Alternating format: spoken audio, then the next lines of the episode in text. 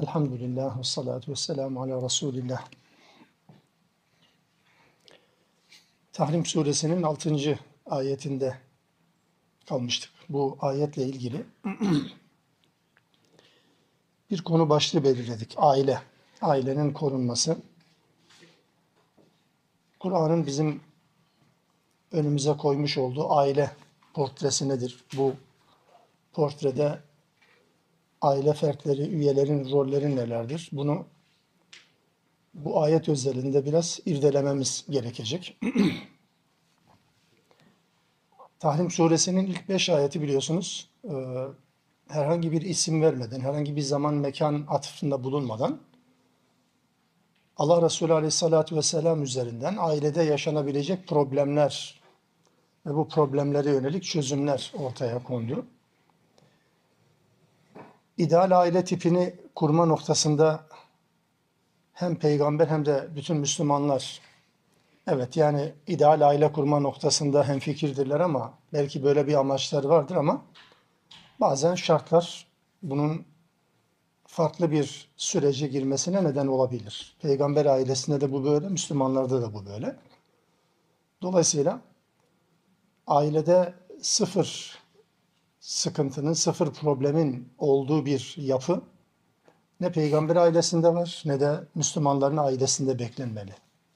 Bu her zaman için olabilecek şeylerdir.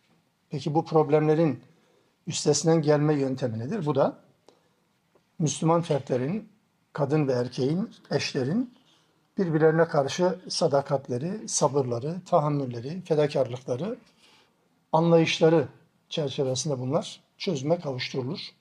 Peygamber aleyhisselam üzerinden de bize bu hatırlatıldı.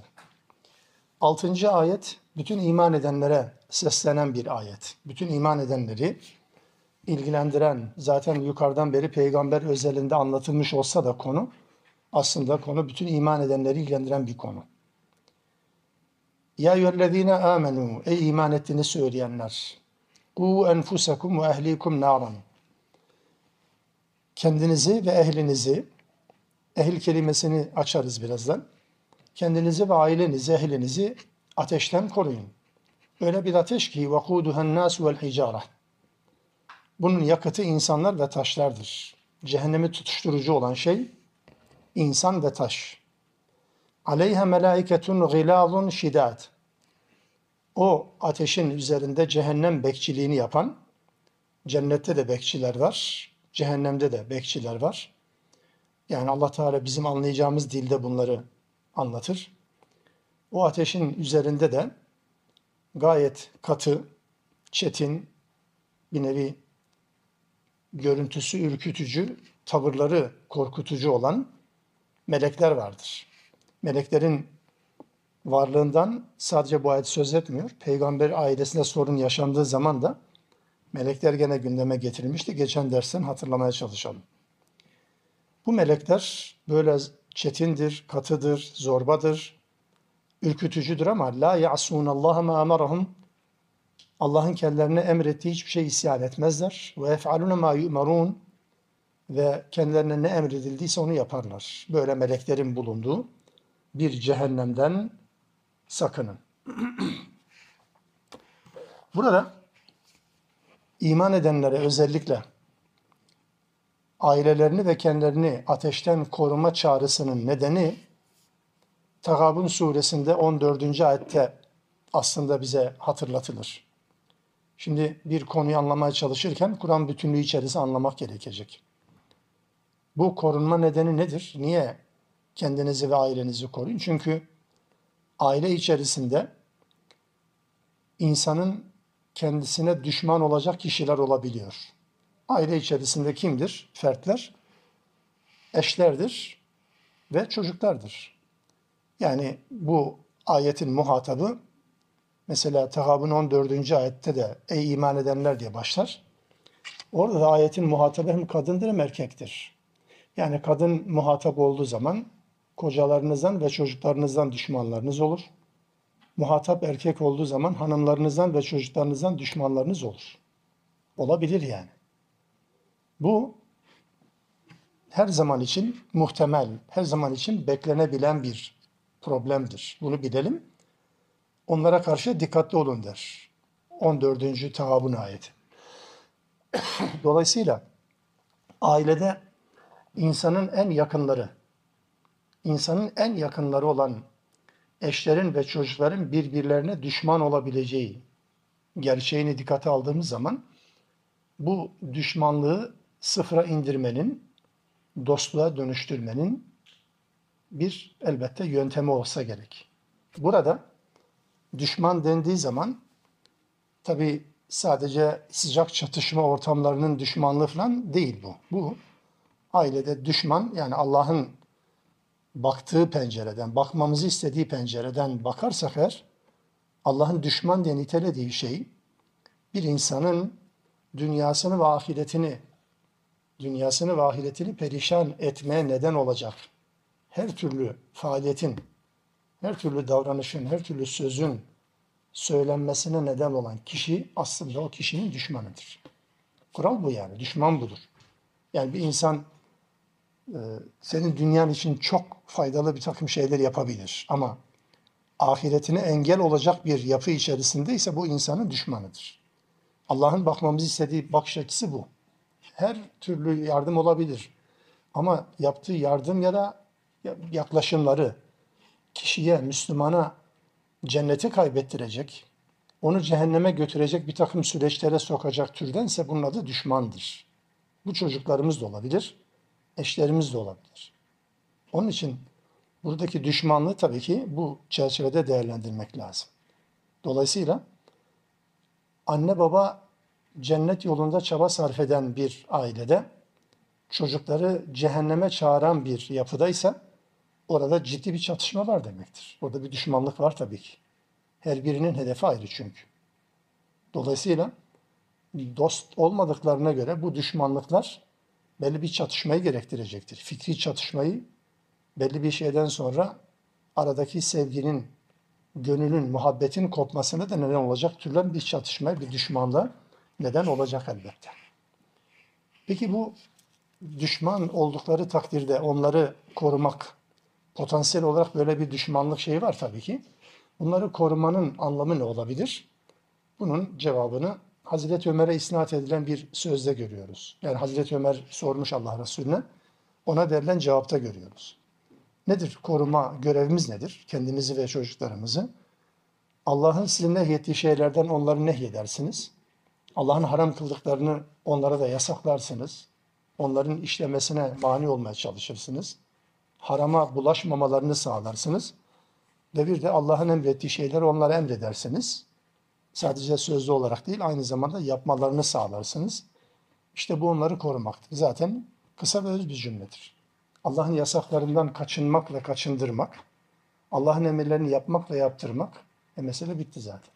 Bu iki, iki cümlenin içerisine bu korumanın hepsi sığdırılmış olur. Burada belki şunu e, üzerinde biraz düşünmemiz gerekir. Yani alıştığımız, alıştırıldığımız diyelim ya da hayat içerisinde maalesef bunu söylemek durumundayız. Mesela ailemize, ehlimize karşı sorumluluklarımız sadece dünyevi sorumluluklar mıdır? Yani bir anne babanın, bir aile reisinin çocuklarına giydirmesi, yedirmesi, zamanı gelince evlendirmesi, ev bark sahibi yapması, iş güç sahibi yapması bu mudur? Elbette bu değil. Aynı şey bir anne babanın, bir aile reisinin endişesi sadece çocuklarının dünyevi bir takım kayıplara girmesi midir? Yani o dünyevi anlamda kayıplar olduğu zaman mı endişelenecek? Bu perspektifi doğru tespit etmediğimiz zaman Müslümanca bir iş yapmış olmayız, onu söyleyelim. Yani e, ailemizin ihtiyaçlarının karşılanması elbette doğal zaten tabii olması gereken bir süreç. Fakat beraberinde uhrevi anlamda ihtiyaçların da karşılanması gerekir. Bu ihmal edilmesi onları koruma, iptal etmek anlamına gelir. Endişe için de öyledir. Yani diyelim ki bir ebeveynin çocuğunun bir eğitim sürecinde, ilkokul, ortaokul, üniversite neyse artık, bir eğitim sürecinde başarısızlığı kendisini üzüyor ama çocuğunun Allah'tan uzaklaşması kendisini üzmüyorsa burada ebeveynlik görevi yapılmamış demektir. bu, bu endişeyi de beraberinde taşımak zorundadır. Yani çocuğunun başarısızlığından endişelendiği kadar çocuğun gidişatından da o gidişatın kendisini sürüklediği cehennem yolundan da endişelenmesi lazım. Bunu gerektirir. Müslüman olmakla olmamak arasındaki derin farklardan bir tanesi bu. Yoksa diğerini zaten çocuklarının dünyevi anlamda ihtiyaçlarını karşılamak için Müslüman olmak da şart değil işin doğrusu.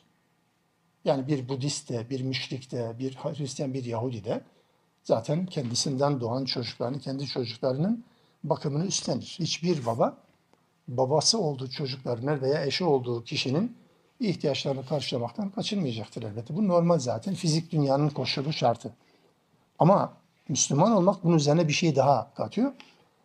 Bu beklentilerimiz de, ümitlerimiz de, endişelerimiz de Müslümanca olmak zorundadır. Dolayısıyla bu yönüyle yani hastalıkları, başarısızlıkları aile reislerini, ebeveyni rahatsız ettiği gibi, huzurunu kaçırdığı gibi çocuklarının isyanları da, günahları da, yanlışları da yani Allah'a göre yanlışlar tabii aynı şekilde onları rahatsız etmeli.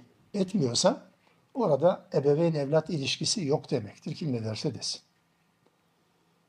Bu ayet-i kerimede ehlil kelimesi kullanıldı. Ehlikum, ehlinizi koruyun. Ailenizi, ehlinizi. Şimdi bu kelimeyi biz normal Türkçe çevirdiğimiz zaman aile diye anlaşılır. İlk etapta da anlaşılması gereken elbette budur, doğru. Fakat yani aile kelimesinin Arapça karşılıkları var. Bunu kullanmıyor da ehil kelimesini kullanması bu kelimeye çok fazla bir gelişlik katması katmayı gerektiriyor. Niye? Ehil kapsamı içerisinde çünkü sadece biyolojik anne baba evlat olma e, şartı sağlanmış olmuyor. Bunu bilelim. Biyolojik anlamda değil sadece. Ehil kelimesi bunun ötesinde bir anlam alanına sahiptir. Bunu mesela Kur'an-ı Kerim'den Nuh Aleyhisselam'ın e, sözlerinden, oğluyla alakalı beklentilerinden, ümitlerinden anlıyoruz. Mesela nedir? Nuh Aleyhisselam yani tufan işte inkarcılık artık dip yapınca yani 950 bin sene sonra bir gemiyle Müslümanlar kurtuluşa, kafirler de helake sürüklendi. O süreçte gemi dalgalar arasında yüzerken Nuh'un oğlu, o da ben dağa sığınacağım babasıyla birlikte olmamaya direndi, olmamakta direndi. Ve o sırada Nuh Aleyhisselam oğluyla alakalı Allah'a yalvarıyor. Hud suresinde 45. ayette. O benim ailemdendir, o benim ehlimdendir ya Rabbi. Bana karşı da sözünü yerine getirsen dedi. Yani biraz merhamet, biraz duygusallık bunların tamamı etkili oldu. Nuh Aleyhisselam bu duasında. Sonra Allah Teala onu bir azarladı. Bir azarladı. Nuh'un beklemediği bir şey. Dedi ki ey Nuh 46. Hud ayetinde o senin ailenden, ehlinden değildir. Halbuki kendi öz oğlu. Şimdi bir insanın kendi öz oğlu, kendi ehlinden olmaz mı? Ehil kelimesine dikkatinizi çekmek isterim. Olmayabiliyor bakınız. Niye? Bakın biyolojik olarak bu şartları sağlıyor olabilir. Ama düşünceler aynı değilse, aynı istikamette seyredilen bir hayat yoksa, anne baba ile evlat arasında bu aile ilişkisi yok demektir. Aile ilişkisi düşünce bazında olan önemi biyolojik bazdaki öneminden daha önemlidir. Yani bir insanın kendi öz çocuğu kendi ehlinden olmayabiliyor. Niye? İnanç farklılığından dolayı. Ama bir insan kendi ehlinden yani kendi biyolojik olarak kendi neslinden türemediği halde hiç alakası yok. Yani bir kısımlık bir akrabalık bağı olmamasına rağmen bunun tersini söylüyorum. Kendi ehlinden olabilir mi? Olur. Türkçe'de ailesinden demeyelim. Ailesinden yanlış anlaşılıyor. Ehil kelimesini kullanıyor. Ehlinden olur mu? Olur. Kim yani? Bir öğretmenin, bir hocanın kendisiyle birlikte olan ve derslerine girdiği öğrencileri onun ehlidir. Bir işverenin onun emrinde, onun işletmesinde çalışanlar onun ehlidir. Bir amirin emri altında kurumda çalışan memurlar, işçiler onun nedir? Ehlidir. Dolayısıyla burada ehil kelimesinin kullanılıyor olması böyle bir geniş anlama da neden oluyor. Dolayısıyla ehlinizi, aileyi dışarıda bırakmıyorum. Ailede dahil ama ailede çok daha geniş bir anlam alanına sahiptir. Ehlinizi, ailenizi ve emrinizin altında bulunanları ne yapın? Koruyun. Yani dolayısıyla bir işveren sadece insanlara ekmek parası vermeyecek. Aynı zamanda onların ahiretini kazanması için de bir zemin hazırlayacak. Veya onların ahireti kaybetmeleri neden olacak süreçlere engel olmaya çalışacak. Ehil bu yani. Allah Teala herkese bu anlamda bir sorumluluk yüklemiş olur. Bu aile reisleri özelinde özellikle bunu söylemek gerekirse aslında kıyamet gününde bir tablo var. Abese suresinde 34, 35, 36. ayetlerde insanların birbirinden kaçtığından bahseden bir tablo. Kıyamet günü herkesin kendi başında, kendi başını e, yani kendi kendi kendine yetecek kadar tırnak içinde başının belası vardır. O yüzden herkes birbirinden kaçar. Herkesin birbirinden kaçtığı tablo içerisinde Allah Teala kimi insanları sayar. Kimdir o? Kişi kardeşinden kaçar. Annesinden kaçar. Babasından kaçar. Eşinden kaçar ve çocuklarından kaçar. Bu kaçışın nedeni anladığımız kadarıyla dünyada bunlara karşı sorumlulukların yerine getirilmemesinden kaynaklanan bir kaçış. Yani kıyamet günü, gününde herkes hesap verecek. Hesaba çekilme konuları bunlar. Yani kişi annesinden, babasından, eşinden, çocuklarına ve kardeşlerinden hesaba çekilecek. Hesaba çekilme korkusu kaçma nedeni olacaktır. Buradan hareketle söylüyorum. O zaman kim kimden kaçacaksa kıyamet günü birinci derece sorumluluklarımız, ikinci, üçüncü dereceden bahsetmiyorum. Birinci derece sorumluluklarımız onlardır. Kimden kaçacağız? Bunlardan kaçacağız. Dolayısıyla burada kardeş, anne, baba, eş ve çocuklar kaçış nedeni olacaksa o zaman dünyada bunlara dikkatli etmek lazım, önem vermek lazım. Bunlara dikkat etmek lazım. Yani bunlara karşı e, sorumluluklarımızı yerine getirirken çok çok daha dikkatli davranmamız gerekecektir. Çünkü yarın bunun e, sonucunda bir kaçış nedeni ortaya çıkıyor. Niye? Sorumluluklar yerine getirilmedi. Kardeş kardeşe karşı, anne babaya karşı, anne babanın da çocuklarına karşı mesela aynı şey tablonun içerisinde. Çocuklarına da kaçacak çünkü. Eşlerin birbirine karşı mesela. Dolayısıyla bu yapı bize sorumluluk alanlarımızı da ne yapıyor? Ortaya koymuş oluyor.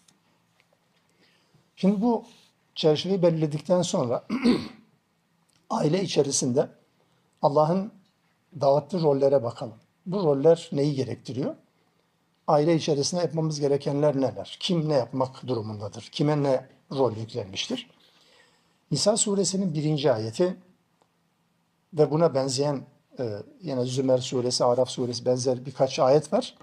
Özellikle bir ilkeyi ortaya koyması bakımından hepsi ortak bunların. Ey insanlar sizi bir tek nefisten, özden yaratan, aynı nefisten, aynı özden de eşini yaratan, böylece birçok erkek ve kadın meydana getiren Rabbinize itaatsizlikten sakının, Rabbinizden sakın. Ey insanlar diye hitap eden bir bölüm bu. Bir tek nefisten özden yaratmış. Aynı özden, aynı nefisten eşini yaratmış. Ve böylece de yeryüzünde birçok erkek ve kadın yaymış. Bu yaratan Rabbinizden sakının. Burada hem bu ayet, Nisa 1. ayet, hem Araf 189. ayet, hem Zümer 6. ayet bu gerçeği hatırlatır. Özellikle Nisa suresi Musaftaki sıra itibariyle bu surelerden önce geldiği için onun üzerinde daha çok durulur. Aşağı yukarı hepsinin ortak mesajı aynıdır. Nedir? Yaratılışın üç aşamasından söz eder bir defa.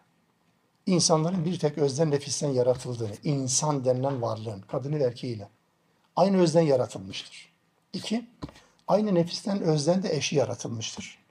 Erkek yaratılmış, eşi de aynı özden yaratılmış, birine farkı yok. Ve üçüncü e, husus, her ikisinden de birçok erkek ve kadın yaratılmıştır. Yeryüzünün nüfusu böyle çoğalmıştır. İlk erkek, ilk kadın aynı özden yaratılır ve sonra da yeryüzünde nüfus böylece dağılmış olur erkek ve kadın olarak. Bu ayet-i kerime insanlık tarihinin ilk ailesine yönelik bir atıftır.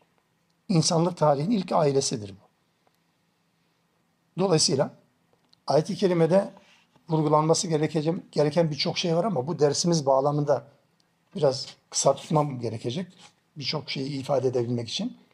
Bir defa burada ayet-i kerimede insan bir tek cins olarak değil.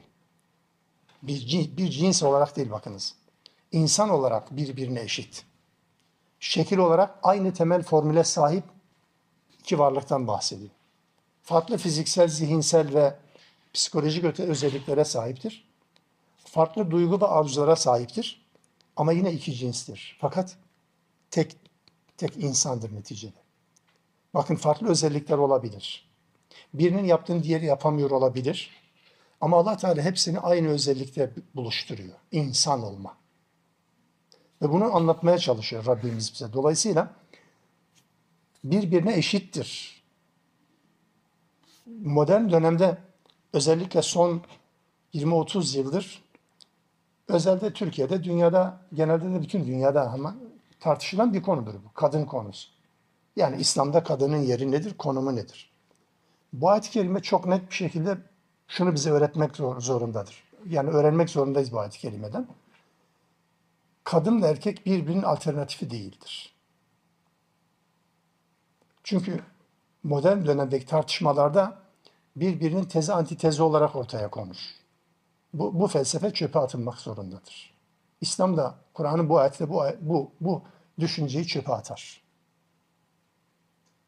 Peki eşit midir? Eşit değildir. Eşit midir diye sorarsanız zaten mutlaka sorunun cevabı yanlış gelir. Eşittir derseniz de yanlıştır. Eşit değil deseniz de yanlıştır. Yani her verilen soruya illa da cevap verme çabasına girersek yanlış sonuç çıkar. Onu söylemeye çalışıyorum. Kadın erkek eşit midir? Eşittir dersen yanlış. Peki kadın erkek eşit değildir desen o da yanlış. Peki nedir? Kadınla erkek eşdeğerdir. Birbirine eşdeğerdir. Çünkü eşitliği biz farklı bir şekilde telakki ediyoruz, anlamaya çalışıyoruz. Kur'an'ın ortaya koyduğu bakış açısı bu. Yani ne demek eşdeğerdir? Onun topluma kattığı değerle erkeğin topluma kattığı değer arası bir fark yok. Hangisinin eksikliği, hangisinin eksikliğinde bir eksiklik hissedilir? İkisinin de. Hangisi tamamlayıcıdır? İkisi de. Sorunun tek cevabı yok. Kur'an-ı Kerim'in kullandığı kavram dünyası bize bunu hatırlatacak. Birkaç örnek daha vereceğim şimdi. Yani bir algımız var, oluşturulan bir algı var. Bir de Kur'an'ın ortaya koyduğu bir somut çerçeve var konuyla ilgili. Algılar üzerine gittiğiniz zaman yanlış gidiyorsunuz. İslam'da böyle netameli, tartışmalı konularda şu söyleyeceğim şablonu hiçbir zaman unutmayın bakın. İslam'ı mı konuşalım, Müslümanları mı konuşalım? Müslümanlar konuşuluyor, İslam mahkum ediliyor. Bu son derece yanlış. Konuşmamız gereken şeyi tespit etmemiz lazım. İslam mı, Müslümanlar mı?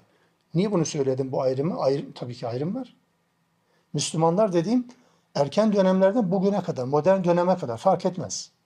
Müslümanların tüm uygulamalar yanlıştır anlamına da gelmez bu. Ya? Ama Müslümanların kendi kanaatlerini şu ve bu şekilde ortaya koydukları görüşleri, yaklaşımları İslam'ın kendisiymiş gibi takdim etmenin de bir alemi yok. Birçok netameli konuda böyle. Normal konularda bu yok. Yani ibadet konularında da çok fazla farklılık yok yani. Hepsi neticede Kur'an'da, sünnete ve yorumlarına dayanır.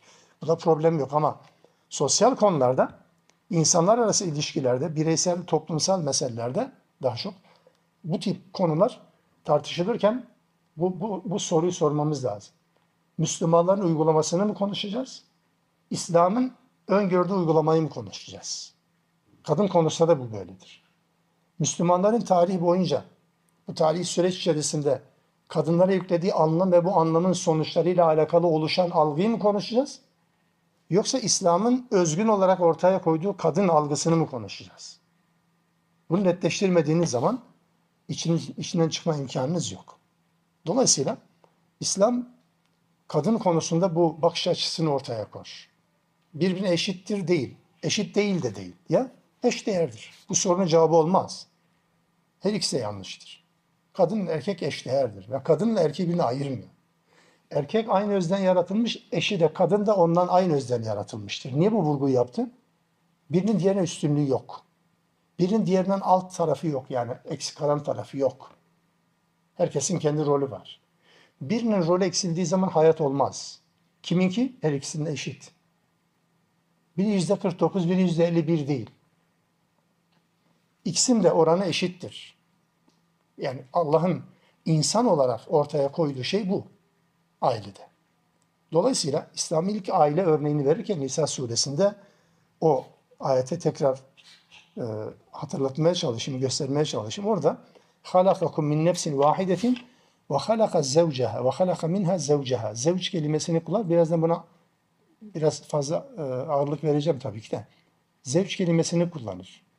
Bunu Türkçe'de tam karşını bulma imkanımız yok. Sadece eş kelimesiyle bunu karşını vereceğiz ama yine mecburen başka türlü izah etme imkanımız yok. Ya da zevç deyip bırakacağız. Dolayısıyla bu bakış açısını İslam ortaya koyuyor.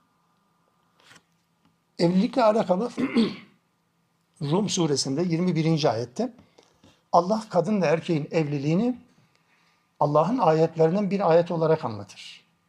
Ve min ayatihi Rum suresi 20. ayetten 25-26. ayetlere kadar hep böyle Allah'ın ayetlerinden, Allah'ın ayetlerinden, Allah'ın ayetlerinden diye bir, bir diziden bahseder. Şöyle bir sayfa kadar devam eder. Allah'ın ayetlerinden olan nelerdir? İşte dillerin farklıdır, renklerin farklıdır, yolların farklıdır.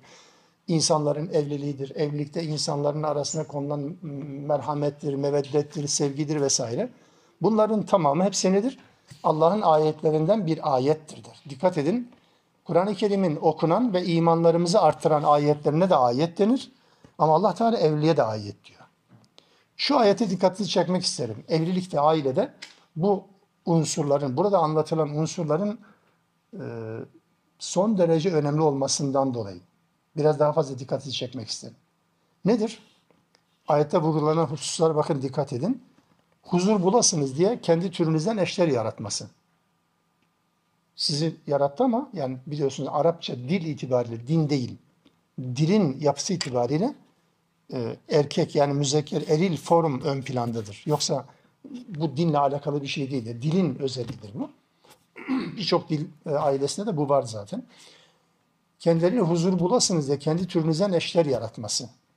Eşleri yaratmasının nedeni insanın eş olarak, birbirine eş olarak yaratılması nedir? Birine huzur bulmasıdır. Kadının erkekle, erkeğin kadınla. Tek taraflı değil. Sadece erkeğin kadınla huzur bulması değil yani. Birbirine huzur bulasınız diye. Kendi türünüzden eşler yaratması bir ayettir.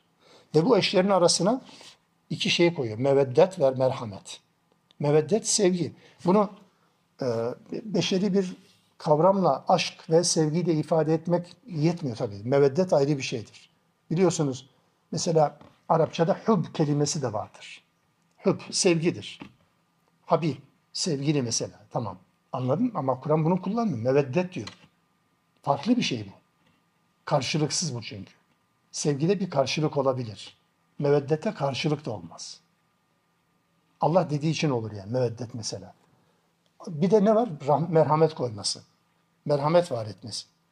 Şimdi bu üç kavram evlilik için Allah'ın eşler arasında oluşturduğu evliliğin devamını sağlayan üç kavramdır.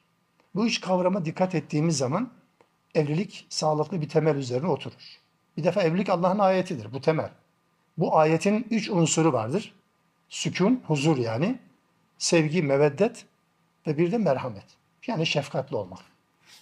Bu üç dönem aslında üç döneme tekabül ediyor bu.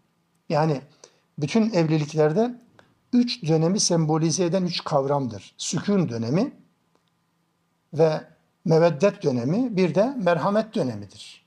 Bütün ailelerde Allah ömür verdiği takdirde yani normal bir yaşamda, normal bir hayatta evet yani evlilerin kadın ve erkek arasında, eşler arasında ve aile içerisinde üç tane temel kavramın her birisine ait olduğu dönemler vardır. İlk dönemler mesela sükun dönemidir. Yani kadın erkeğin birbirine sükun buldukları, ailede iki kişi olarak başladıkları bir dönemdir. Sonra sonra artık ailede ürünler ortaya çıkar. Aile kurma nedeni sadece iki kişinin birlikte hayat sürmesi değildir. Bu Avrupa'daki beraberlik böyledir. İslam'daki nikah ve evlilik bu değil. Beraberlik değildir sadece. Bu beraberlikten ürünün ortaya konması, çıkması hedeflenir. Çocukların olması lazım. İşte o çocukların olduğu dönem. Yani eşlerin çocuklu olmaya başladıkları, anne baba oldukları dönem. Ailenin bir, ikiden üçe, dörde, beşe çıktığı bir dönem. Meveddet dönemi. Sonra bu böyle devam edip giderken Allah ömür verdiği takdirde bu sefer başlıyorsunuz Önce çocuklar yoktu, yalnız başınaydınız. Sonra tekrar başa dönüyorsunuz. Çocukların hepsi yuvadan uçuyor. Erkek veya kız fark etmez. Tekrar başa dönüyorsunuz. Yine baş başa kalıyorsunuz ve burada artık sükun dönemi yok. Çocuklarla mutlu olacağınız bir dönem de yok. Ancak geçici olarak torunlar gelir. Ama onların gelişinden ziyade gidişine sevinilir. Dedeler, torunlar, neler öyledir yani. Dolayısıyla e, artık ya baş başa kaldığınız bir dönemdir. Sonra merhamet dönemi başlıyor bu sefer. Hasbi bir dönem yani, hesabi bir dönem değil. Bu üç dönem Rum suresinin 21. ayete ortaya konan dönemdir. Yani aslında bunu bir hocamızdan alıntı yaparak söylüyorum. Can cana oldukları dönem sükun dönemidir. Yan yana oldukları dönem çocuklarla işte yan yana oldukları dönemdir. Bir de en son dönemde de şimdi lazımsın bana dönemidir. Bunu bu şekilde tarif edebiliriz. Çünkü bu üç dönemi her evli yaşayan yani hayatı Allah Teala kendisine lütfettiği kadar yaşayan herkesin yaşadığı üç dönemdir. Bunlar evliliğin üzerine oturtulduğu temel parametreler. Ve evlilik sadece dünyada beraberlik amaçlı değildir. Aile kurmanın amacı sadece dünyada bir takım imkanlara, bir takım işte nüfuslara ve nüfuzlara sahip olmak değil. Amaç bu olmaz. Bakın enteresandır. Dünyanın bütün nimetleri, insanın dünyada kazandığı, elde ettiği bütün nimetler hepsi dünyada kalır ölümle birlikte. Ahirete intikal eden hiçbir dünya nimeti yoktur. Hiçbirisi. Bir tek şey hariç kişinin eşi. Dünyada onu dünya hatırasıyla hatırlatacak olan bir tek şey vardır, eş vardır. Dünyaya ait olan hiçbir şey yoktur. Yasin suresini çok okursunuz da biraz hayatın içinde okumak lazım. Ölüye değil de. Hayatın içinden bir bölüm. İnne ashabel cenneti yevme fî şugulin fâkihûn hum ve ezvâcuhum fî zilâlin alâ lâhâki müttekûn. Cennetlikler nimetler içerisinde safa sürerler. Onlar ve eşleri gölgeler altında tahtlara kurulmuş olacaklardır. Cennette yalnızlık yok. Dünyadaki eş ahirette de eş olarak devam etmeli. E peki yani olmadı. Her biri bir tarafa gitti. İşte böyle bir evliliği İslam öngörmüyor. Yani eşini cennete götürmeyen bir eş tasavvuru yok. Dolayısıyla eşin de birlikte cennette devam etmesi gereken bir hayat dünyada başlar. Dünyada atılan temeldir ve bu temel ahirette de devam eder. Böyle bir şey dünyada başka bir nimet için söz konusu değildir. Yani dolayısıyla erkek hanımını, kadın kendi eşini, kocasını cennete götürecek bir yapıda bir evlilik amacı gütmüyorsa o sadece normal bir beraberliktir. Allah affetsin. Dolayısıyla sadece dünyada bir beraberlik amaçlı bir aile, bir evlilik söz konusu değil. İslam'ın kullandığı kavram alanıyla alakalı dikkat çekici bir şey bu. Söylemiştim. Zevç. Kur'an-ı Kerim'de hem erkek hem de kadın için zevç kelimesini kullanır. İlahiyatta olanlar için belki garip olmayabilir ama diğer fakültedeki arkadaşlar belki Arapçaya aşina olmayanlar için biraz zorlayıcı olabilir. İzah etmeye çalışacağım. Şimdi zevç kelimesinin e, anlamı nedir? Çift değildir. Çift değil. Zevç kelimesi çift değil. Tek de değil. Peki nedir? Öyle bir kavram ki bunu Arapçada izah ederken biri diğerine bağlı olarak varlığını sürdüren o çifte denir. Çiften her birine zevç denir. Yani bu buna zevç denmez. Öyle bir şey olmalı ki bu da o da birine bağlı olacak. Birinin varlığı tek başına ifade etmeyecek. Bunun varlığıyla onun varlığı birine bağlı olacak. İşte bunlardan her birine zevç deniyor Arapçada. Ve bunu genelde Arap dil e, sözlükleri, lügatlar bunu anlatırken çorap ve mest örneğini verirler. Çorap, mest, ayakkabı yani. Niye? Çünkü tek ayakkabı giyilmiyor, tek çorap yok, tek mest yok. Nedir bu?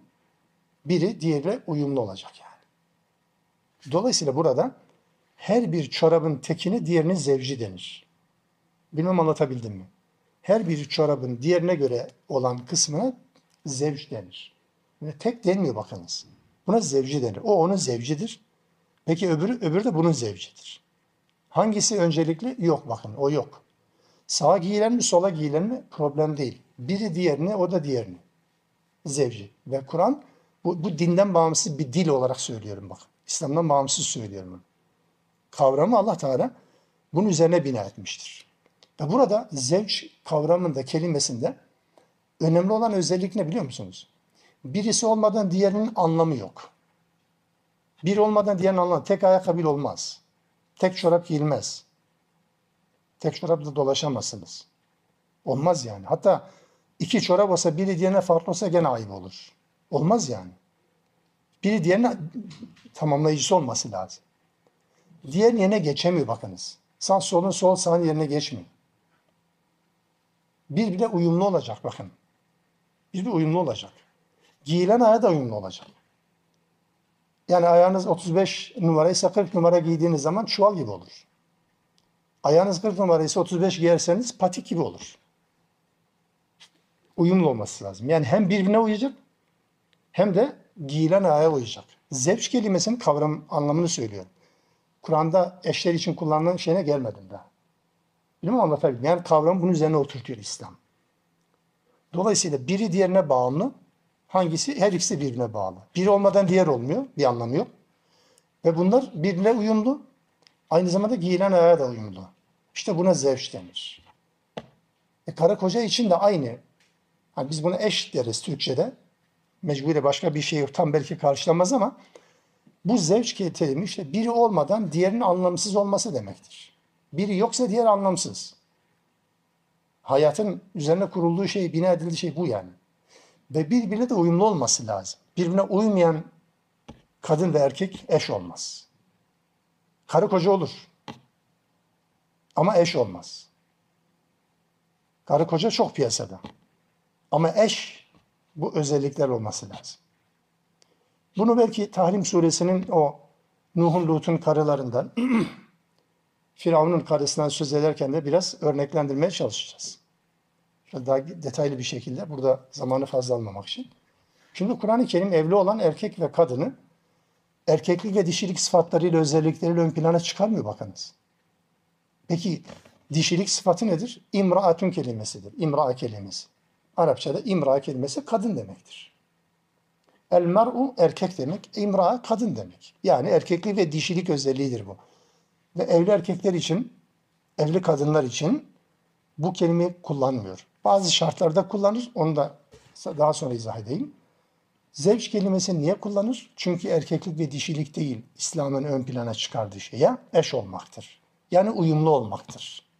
O yüzden bir Müslümanın mesela bir müşrikle bir kafirle evliliği olmaz. İffetli olan da iffetsiz olan biriyle evlenemez mesela. Niye? Çünkü uyumlu değildir. Uyumu sağlam. Uyumu bozar bu yani. Uyumu bozan bir özellik bunlar. Biri öyle biri böyle olmaz ki. Dolayısıyla zevç kelimesiyle alakalı mesela şöyle bir tablo var. Bu tablonun örneklerini sonra izah edeceğim. Zevç kelimesi yerine mesela imra, kadın, dişi özelliğini, o kelimeyi kullandığı yerlere bakıyoruz. Evli olduğu halde kocasına ahlaksızlık anlamda ihanet eden, kadın için zevç kelimesi kullanılmaz Kur'an-ı Kerim'de. Kocasından inanç farkı olan kadın için zevç kelimesini kullanmaz. Koca kafir kendisi Müslüman veya koca Müslüman kendisi kafir. İnanç farkı varsa orada zevç yoktur. İmra vardır, kadın vardır. Eş yoktur. Mesela anne olmayan kadın için zevç kelimesini kullanmaz. Evliliğin hedefi anne olmaktır. Bazı özel durumlar olabilir tabii ki de. Anne olmayan kadın için zevç kelimesini kullanmaz çünkü zevç özelliğini sağlamış olmuyor. Eş olma bunu sağlıyor. Buna dair örnekleri inşallah daha sonraki derslerde anlatmaya çalışırız. Dolayısıyla burada anlamaya anlatmaya çalıştığım şey ne? Şu. Evlilikte birbirinin tezi antitezi değildir kadın. Birbirinin alternatifi değildir. Ben olmasam sen ne yaparsın, sen olmasa ben ne yaparım yoktur. İkimiz olmasak hiçbir şey olmaz demektir. İslam'ın ortaya koyduğu felsefe, düşünce budur evlilikte. Bunu kullandığı kavram üzerinden de anlamak mümkündür. Allah Teala evlilikten bahsederken kadın ve erkeği birbirlerinin elbisesi olarak bir benzetme, bir temsili anlatın bu. Bakara suresinde oruçtan bahseden bölümün ortasında bahseder bunu. Ramazan orucundan bahseden bölümün ortasında bir cümledir bu. Siz onlar için elbisesiniz, onlar sizin için elbise. Ya da ayetin tam orijinalini söylersek önce kadınları söylüyor. Kadınlar sizin için bir elbise, siz erkekler hanımlarınız için bir elbisesiniz diyor. Elbise ne? Niye elbise örneğini verdi? Kur'an-ı Kerim'in bütün benzetmelerinde o benzetme unsurunu tahlil etmek önemlidir. Doğru tahlil ederseniz benzetme oturur. Niye elbise dedi de başka bir şey demedi? El, mesela eldiven demedi, ayakkabı demedi, elbise dedi. Genel anlamda elbise. Bunun beş şeklini ifade etmeye çalışayım anladığımız kadarıyla. Elbise benzetmesinin nedeni insan elbiseye ne kadar muhtaç ise, elbiseye ne kadar ihtiyaç hissediyorsa, ne kadar bağımlıysa, elbisesiz yaşamak ne kadar imkansızsa, eşler de o kadar birine muhtaçtır, eşler de o kadar birine bağımlıdır, eşlerin de bir noktada ihtiyacı vardır, eşlerin de birbirinden bağımsız yaşama imkanları yoktur. Yeryüzünde tek başına yaşanmaz. Allah Teala kuralı koymuştur. Arızi sebepler, anormal, sıra dışı istisnalar ayrı ama genel anlamda insan için öngörülen şey budur. Muhtaç ve bağımlılıktır. Elbise insanın vazgeçilmezidir. Bütün çağlarda şu veya bu şekilde hangi stil ve tarzda olursa olsun elbise bir ihtiyaçtır ve insanların bağlı olduğu şeydir. Eş de öyledir. İkinci bir özellik nedir? Elbise ile beden birbirine çok yakındır ve uygundur. İnsan kendisinin bedene uygun elbise giyer. Eşlerin elbise tanımlanmasının nedenlerinden bir tanesi de bu. Eşler birbirine uygundur.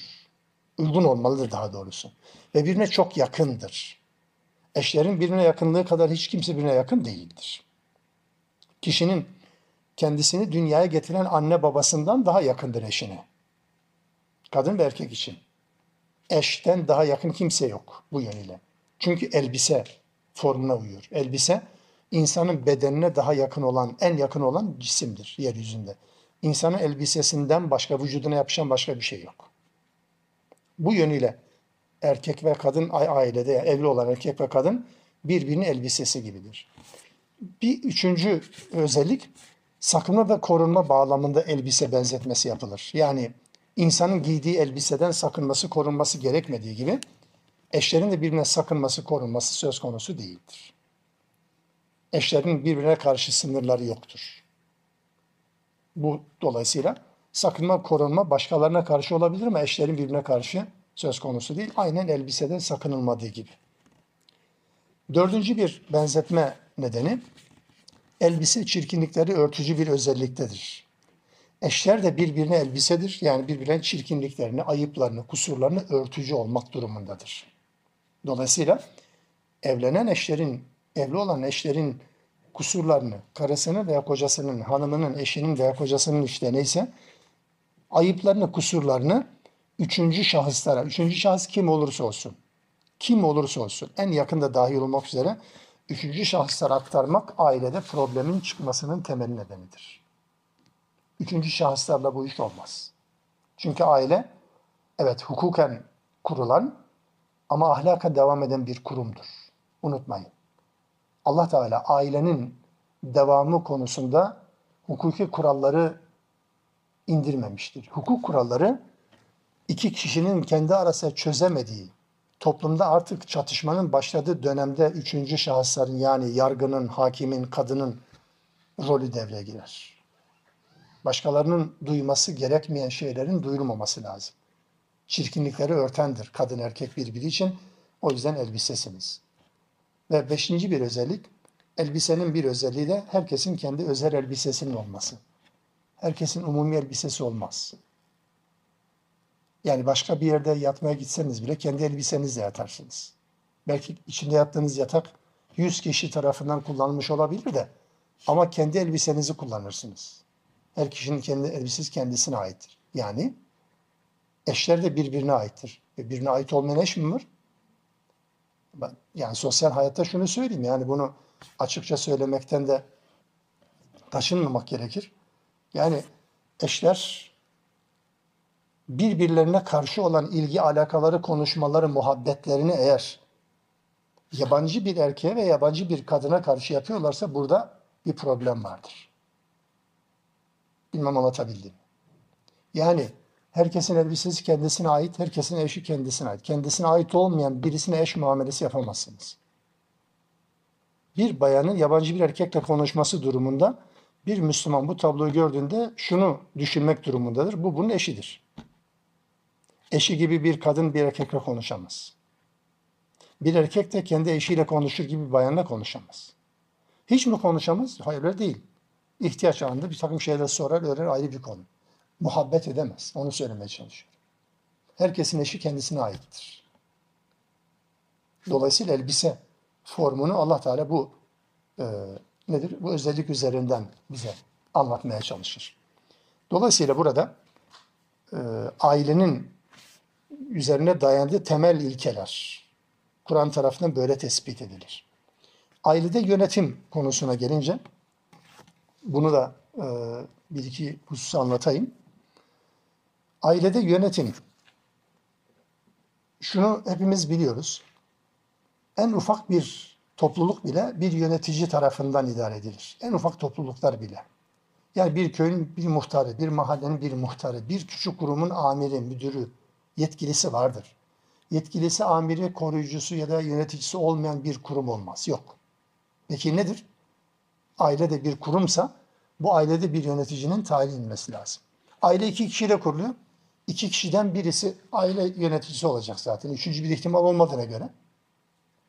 Ya kadın ya erkek olacaktır. Allah Teala bu konuda yönetimi, ailede yönetimi erkeğe vermiştir. Niye? Bunun gerekçesini Allah Teala Nisa suresinin 34. ayetinde şöyle izah ediyor. İnsanlardan bazılarının yaratılışa diğerlerinden daha üstün kılmıştır. Bundan dolayı erkek yöneticidir, amirdir. Hanımlarının yönetici, bütün toplumun yöneticisi demiyor erkek. Bu ayet-i kerimede yanlış anlaşılan bir şey var. Yani mutlak anlamda erkek, mutlak anlamda kadın değil. Bu 34. Nisa ayeti evli olan erkek ve kadınlar için söz konusu. Yani erkeklerin kadınlardan üstünlüğü anlatan bir cümleden bahsetmiyor. Aile kurdunuz, ailede kim yönetici olacak? Bu sorunun cevabını veren bir ayettir. Erkeklerin üstünlüğü, kadınların altlığını falan bahsetmiyor yani. Erkekler hanımlarının yöneticisidir, kadınların değil. Dikkat edin. Erkekler kadınların yöneticisi değil. Erkekler hanımlarının yöneticisidir. Ayetin vurgusu bu. Nedeni? Çünkü Allah yaratılışta birbirine üstün kılmıştı bazılarını. İki, erkekler ailenin geçimini sağlamakla yükümlüdürler. Bu iki özellik erkeğin ailede yönetici olmasını sağlayan temel iki özelliktir. Ve burada dikkat edelim. Yani burada özellikle Allah Teala erkekleri kadınlardan üstün kılmıştır demiyor. Cümle birilerinin kullanabileceği bir noktaya getirmiyor Allah Teala. Erkekleri yaratılışa kadınlardan üstün kıldı demiyor ya. Allah insanlardan bazılarını yaratılışa bazılarını üstün kıldı. Niye? Allah da biliyor ki biz de gözlemliyoruz ki bazı kadınlar var erkeklerden yaratılışa daha güçlü, daha dirayetli, daha inisiyatifli, daha yetenekli. Allah Teala kuralı korken kendisini böyle offside'e düşürecek bir bilgi vermiyor. İnsanlardan bir kısım diğerinden daha üstün olabilir. Ama ailede genel anlamda, genel bir özellik olarak yani istisnalar kaideyi bozmasın, erkeklerin bu noktada çok daha ehil olması gerekir. Yani aileyi koruma noktasında. Bir kadının kendi ailesini koruma refleksi erkek kadar ortaya koyamaz. Mümkün değil. Bu kadın hangi şey olursa olsun. Bu eğitimle de olacak bir şey değil, başka bir şeyle de olur. Yani bu tamamen yaratılıştan gelen bir özelliktir. Bu, bu onun yönetici olmasını sağlayan birinci faktör. İkinci faktör ailede geçimi sağlamaları. Aile geçimini sağlama özelliği, rolü erkeğe verilmiştir. Dolayısıyla ailenin yöneticisi budur. Nafakasını temin etme anlayışı yani. Dolayısıyla burada kavvam kelimesi kullanılır. Bunu yönetici olarak ifade ederiz. Yoksa e, dediğim dedik aslım kestik anlamında bir yöneticilik değil bu. Hani e, milletin efendisi onlara hizmet edendir denir ya. Milletin efendisi onlara hizmet edendir. Yani hizmet etme efendiliğin nedeni olmuş olur. Efendilik hizmet etmeyi gerektirir. Efendilik sadece buyurganlık gerektirmiyor. Sadece emir vermeyi gerektirmiyor. Herkes beni, beni dinlesin, bana itaat etsin, boyun eğsin değil. Ya hizmetle beraber bir efendilik söz konusu. Dolayısıyla erkeğin yönetici olması sadece koca ait ve evlilik hayatıyla sınırlı. Altını çizerek söylüyorum. Sadece evlilik hayatıyla sınırlıdır bu yöneticilik. Mesela evlilik hayatı dışında bir erkeğin kendi kız kardeşinin, evin içerisinde bulunan kendi kız kardeşinin veya kendi yeğenin yöneticisi pozisyonu yok. İslam bunu öngörmez. Yeğenlerinin, kız kardeşlerinin, aile fertleri hepsinin değil. Sadece kendi eşinin yöneticisidir. Bu çerçeve evlilikle alakalı sınırlama olduğuna dair e, bir ipucudur. Özellikle bunu da hatırlatmış olalım. Elmalı merhumun e, Cumhuriyet döneminin müfessirlerinden ve hala faydalandığımız bir müfessir. Bu ayeti tefsir ederken, bu yöneticilik, koruyuculuk görevini anlatırken şöyle enfes bir cümlesi var. Ben aynısını aldım buraya. Hanımının hakkını vermeyen, hanımının malına göz diken, yani hanımının malına göz diken bu çok değişik şekillerde olabilir. Aile için harcama vazifesini yapmayan ve ailesinin ırz ve namusunu korumayan erkekler erkek sayılmaz. Bunlara rical kapsamına girmez diyor. Doğrudur, aynen öyledir. Hanımın hakkını vermeyeceksin. Hanımın malına göz dikeceksin. Yani erkekler arasında bir hastalık bazen nüksediyor. Mesela e, evlenmeyi düşündüğü bayanda bir özellik var. Diyor ki çalışan bayan olsun. Neyle evleniyor aslında? Bayanın bankamatik kartıyla evleniyor. Bayanın kendisiyle değil. Bankamatik kartıyla evleniyor tabii ki. Ve bunu duyan bir bayanın evlilik yapması da beni bağışlayın ahmaklıktır. Bilecek yani benim maaşıma göz dikmiş. Benim maaşımla evleneyim. Maaşım olmasa evlenmeyecek. Çünkü arıyor arıyor böyle bir özellik arıyor. Olmaz. Böyle bir özelliği Allah Teala böyle bir görevi kadına vermedi. Kadın çalışamaz mı? Çalışabilir. Meşru sınırlar çerçevesinde. Ama ben bunu her zaman da söylüyorum. Sadece siz burada olduğunuz için değil. Erkeklere anlattığım zaman da aynı şeyi söylüyorum. Kadınlara anlattığım zaman da aynı şeyi söylüyorum. Bir kadının kazandığı paradan meşru çerçevede yani asli görevlerini ihmal etmemek şartıyla kazandığı paradan evine bir ekmek alma zorunluluğu yoktur. Bir tane ekmek almama hakkı vardır. Bir tane ekmek bile almama hakkı vardır. Ya ama aynı evi paylaşıyoruz diyemez erkek. Erkekse evin geçimini sağlayacak. Bitti. Kendi gönlünden katar ayrı bir şeydir bakın. Kavvam kelimesi bunu anlatır. Allah Teala erkeklere yöneticilik verir. Yeryüzünde bir tane Adem, bir tane Havva varken kim yönetici olmalıydı ki? Yani niçin erkek, niçin kadın değil sorusunun cevabı için söylüyorum. Bu polemik zaman zaman gündeme gelir. E şimdi Adem ve Havva sadece iki kişi var yeryüzünde. Kim aile reisi olması gerekir? Bakıyor bütün ayetlerde Allah Teala Adem'e sesleniyor. Ey Adem sen ve eşin cennete gir. Ey Havva sen ve eşin girin demiyor. Orada emrin muhatabı, aileyi sürükleyecek olan, aileyi koruyacak olan, aileyi yönlendirecek olan nedir? Erkektir. Adem'dir yani. Yeryüzü kuraldan beri böyledir. İki kişi, üç kişi yola çıktığınız zaman yol imamı olması lazım. Sünnette bu. Çoğumuzun ihmal ettiği bir şeydir. Bir grup olarak bir yere ziyarete gidiyorsunuz. Aranızda hiç imam yok. İlla erkek olması şart değil yani. Yol rehberi yani. Sözüne güveneceğiz. Falan yerde duracağız, namaz kılacağız. Bitti. Falan yerde duracağız, mola vereceğiz. Her, kafa, her kafadan bir ses çıkmayacak. Her kafadan bir ses çıkacak bir organizasyon bozuk olur. O yüzden de tartışma. Ya burada durmasaydık, burada dursaydık. Ama imama söz verdiğiniz zaman rehbere burada duracak, burada duracağız. Burada kalkacağız, burada kalkacağız. Bitti. Bir organizasyonun yöneticisi olması lazım. Ve bu da Allah Teala tarafından erkeğe verilmiş olan bir yetki. Bu çerçeveden baktığımız zaman şöyle bir itaat çerçevesi de çizelim. İslam'ın itaat edilmesini ibadet saydığı kişiler vardır. Yani sadece itaat etmekle kalmıyor. Bu itaat beraberinde ibadet formu kazanıyor. Sadece dinlemiş olma, olmakla yetinmiyor bakınız. Yani mesela diyelim ki öğrenci hocasını dinler. Bu bir ibadet değil. Memur amirini dinler. işçi patronu dinler. Bu bir ibadet değildir. Ama Allah'ın ibadet formu kazandırdığı dinleme, itaat etme şey çerçevesi farklıdır. Mesela çocuk için anne baba. İtaat ettiğiniz zaman evet Allah'ın bir farzını yerine getirmiş olursunuz. Kadın için eş bir itaat formunu gerektirir. Ordu asker için komutan mesela. halk için, yönetilenler için devlet başkanı, yönetici yani. Müslüman bir toplum için söylüyoruz. Dolayısıyla burada itaatin ibadete dönüştürüldüğü bir formdur bunların tamamında. Modern dönemde modern dönemde eşler arasındaki muhabbetin, sevginin kaybolmasının, tartışılmasının, ailenin sevgiden mahrum olmasının en önemli nedenlerinden bir tanesi itaatin ibadet olarak algılanmamasıdır. Halbuki nikah akdi, bunu sadece laf olsun diye söylemiyorum, bu anlatılanların hiçbirisini zaten de nikah akdi dediğimiz evlilik akdi kabul ettiğim ifadesi aslında kadın ve erkeğin birbirlerine karşı sorumlulukları yerine getirme sözüdür. Kadının sözüdür, erkeğin de sözüdür aynı şekilde. Her ikisinin de verdiği bir sözün gereğidir bu.